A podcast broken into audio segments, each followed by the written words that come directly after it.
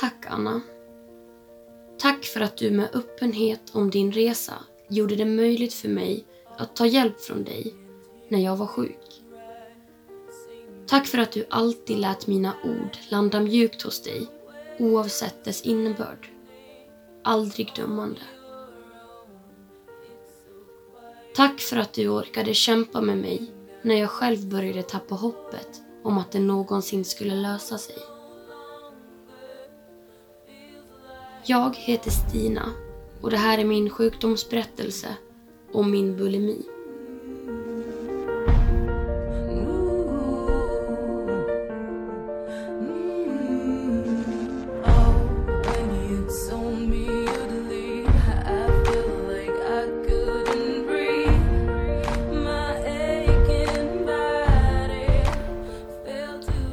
Jag har väldigt svårt att sätta en början och ett slut på min sjukdom.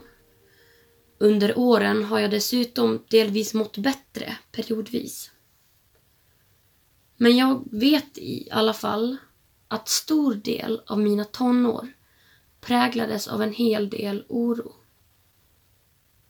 Det var om skolan, betyg, vänner, pojkvänner, fester och allt däremellan.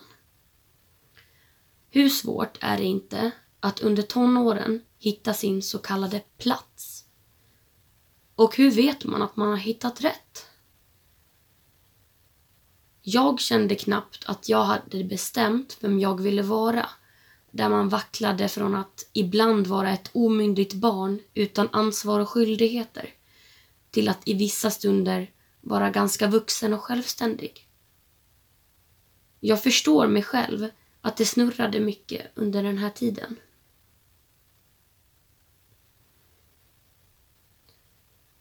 När jag började gymnasiet var jag väldigt kluven. Tankar om jag hade gjort rätt val av program gnagde i mig dagligen. Att möta en ny klass där man ville passa in och vara omtyckt i gjorde också att jag rannsakade mig själv en hel del.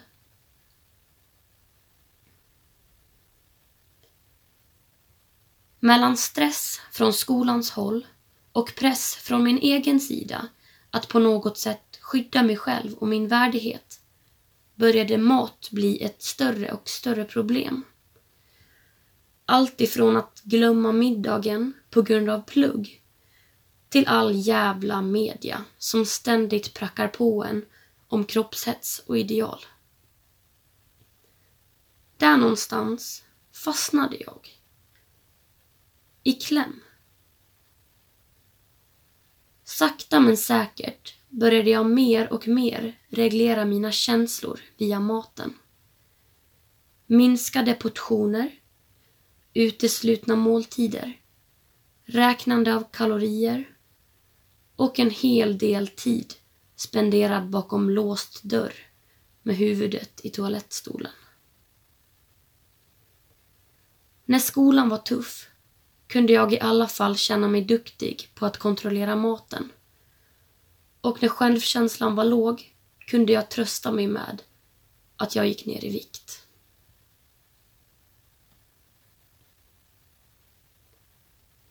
Hemma var min största prioritering att inte få mina föräldrar att förstå vad jag höll på med.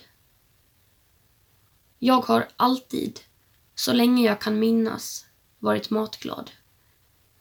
Jag har tyckt om nästintill allt och genuint tyckt att matsituationer är väldigt trevliga. Att jag då skulle skippa lunchen med familjen på helgerna skulle sända ut signaler direkt om att något var konstigt.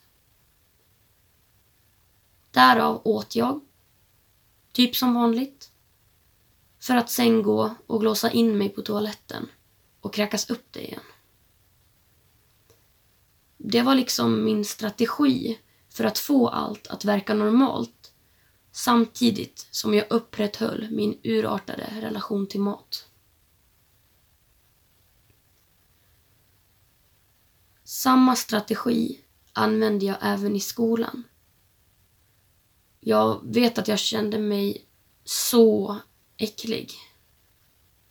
Kräkas på skolan. Jag var ständigt rädd för att någon skulle märka, höra eller känna lukten.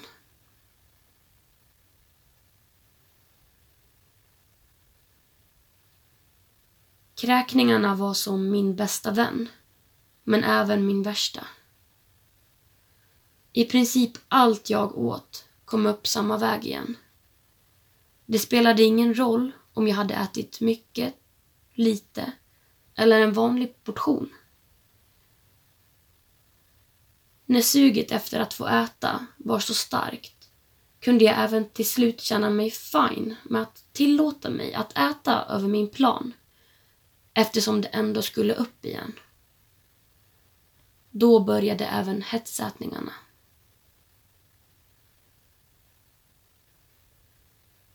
Kräkningarna har dock inte bara varit en ångestdämpande kompensationsstrategi.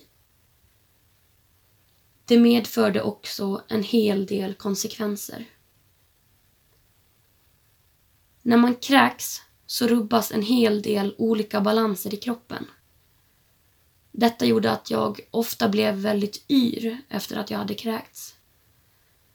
Jag svettades och det var en riktigt obehaglig känsla av att det stack i hela kroppen. Och enda sättet att få det att sluta var att äta något igen. Vilket gjorde det hela till en ond cirkel. Kräkningarna gav mig även riktigt ont i halsen och halsbränna vid minsta lilla ansträngning. På grund av magsyran har även emaljen på mina tänder tagit riktigt mycket skada vilket gjort att de i dagsläget är väldigt sköra.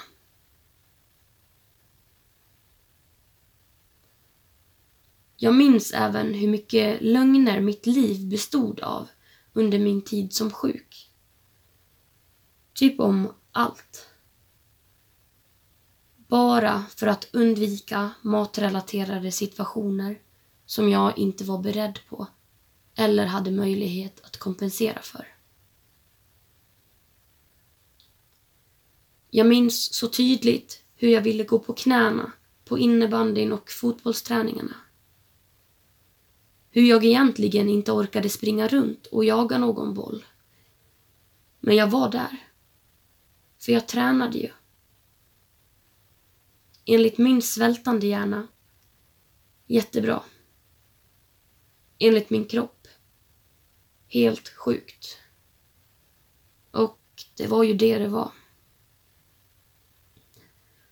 Det är så mycket mer den där svältande hjärnan bidrar till. Eller rättare sagt, inte bidrar till. Jag kände mig ständigt som att jag var i något slags töcken. Uppfattade inte riktigt vad folk sa. Jag hade svårt med instruktioner. Mitt minne blev riktigt dåligt. Jag var liksom inte närvarande. Även om kroppen var där så var huvudet på något slags standby.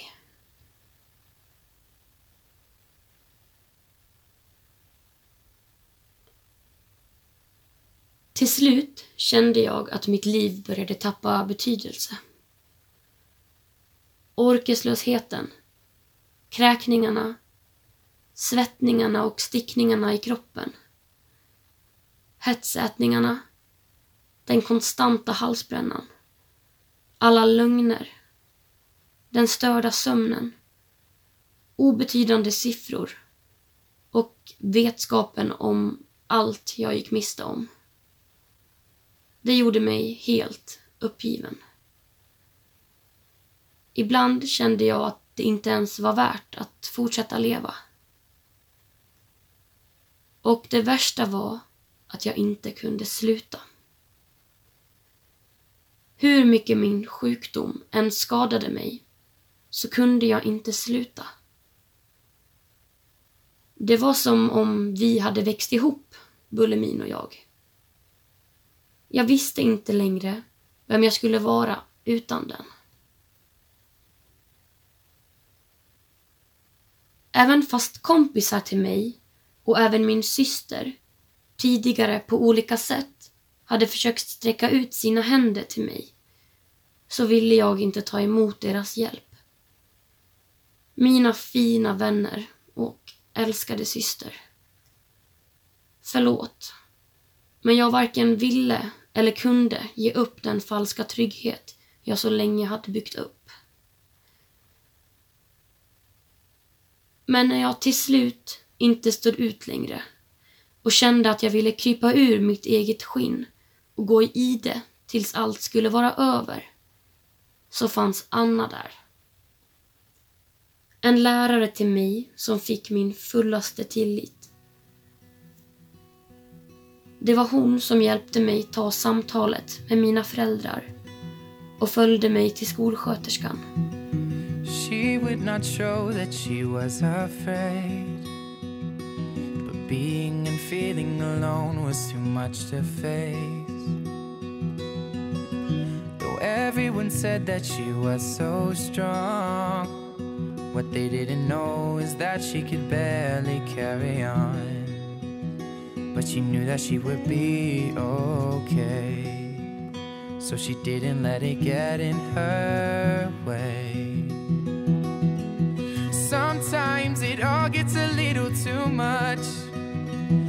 But you gotta realize that soon the fog will clear up. And you don't have to be afraid. Jag förstod nog aldrig vad jag drog igång när jag väl berättade för Anna. Men i efterhand är jag så glad att jag gjorde det. För efter samtalet hos skolsköterskan började remisser skickas som resulterade i att jag skulle få börja i gruppterapi på ätstörningsenheten Dala ABC i Falun. Dock inte förrän fem månader senare. Så jag fortsatte min vardag styrt av bulimins järnhand innan terapin drog igång. Det var fem riktigt långa och tuffa månader. När jag väl hade öppnat upp mig om mitt livs största hemlighet som tyngt mig under de senaste åren hade jag hoppats på att få hjälp ganska så snabbt. Tyvärr såg inte vården ut så. Inte 2016 i alla fall.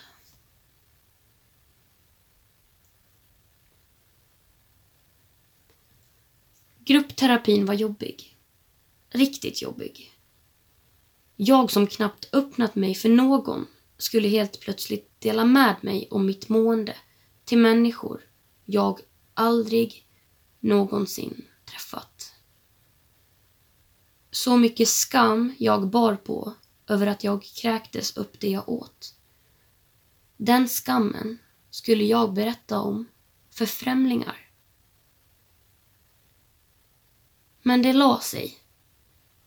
Jag insåg sen att vi faktiskt var där tillsammans och vi alla var där av samma anledning. Alla hade ett problematiskt förhållande till mat. Det var faktiskt riktigt skönt att vi hade varandra då. Att se att man inte var ensam i allt elände. Men jobbet för ett friskare liv var fortfarande tvunget att tas. Så många samtal som slutat i tårar. Tankar om att skita i hela behandlingen. Vissa dagar ville jag inte ens ha hjälp. Var jag då ens värd hjälp? Jag ville inte leva med den destruktiviteten jag hade kring mat och kropp. Men samtidigt var ångesten om att släppa alla regler och idéer så stor att det innebar en slags sorg. Till slut började en friskare framtid ta upp större delar av mitt synfält. Efter att ha blivit så pass medveten om allt sjukdomen tagit ifrån mig började jag få som hungerkänslor för att få revansch och ta igen det jag gått miste om. Att få upp ögonen om att jag faktiskt hade en framtid gjorde också att sjukdomen blev lättare att ligga åt sidan. Jag skulle ta studenten, åka till USA med min familj. Jag fick ett nytt jobb och jag skulle därmed flytta till en annan stad. Och det sista som skulle få förstöra detta var bulimin.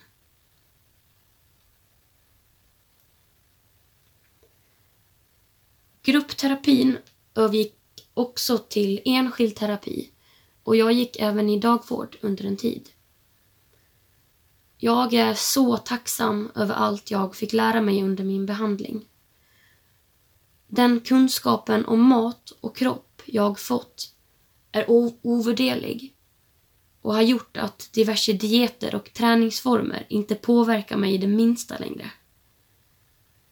Min relation till mig själv har också blivit så mycket bättre. Idag försöker jag se mig själv som min bästa vän. Och det är inte alltid lätt, men det är nödvändigt. Jag vill bevisa för mig själv att mitt värde inte sitter i storleken på mina kläder eller hur min kropp är formad. Det är ju jag på insidan som är Stina. Det är ju här inne jag är. Min utsida är mest till för att skydda mina organ och för att jag ska kunna ta mig dit jag vill och göra nödvändiga saker. Mitt utseende är väl lite behjälpligt för att folk ska känna igen mig också. Men annars är det ju min insida som är jag. Det är här inne mina tankar och känslor finns. Mina värderingar och åsikter. Stinas fötter, storlek 36, säger liksom inte så mycket om mig som person. Idag mår jag bra. Jag har inte längre några restriktioner om mat och jag dras inte längre från att befinna mig i matrelaterade situationer. Jag har lärt mig att älska mat igen. Det trodde jag aldrig för några år sedan att jag skulle göra. Men jag är glad att jag vågade ta steget att söka hjälp, även om jag fick blunda av rädsla en hel del under resans gång till mitt tillfrisknande.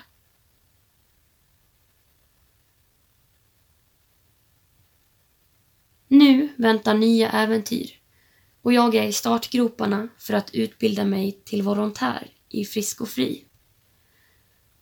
Frisk och Fri är en riksförening mot ätstörningar vars ändamålsområden är att stödja, förebygga och arbeta för bättre vård.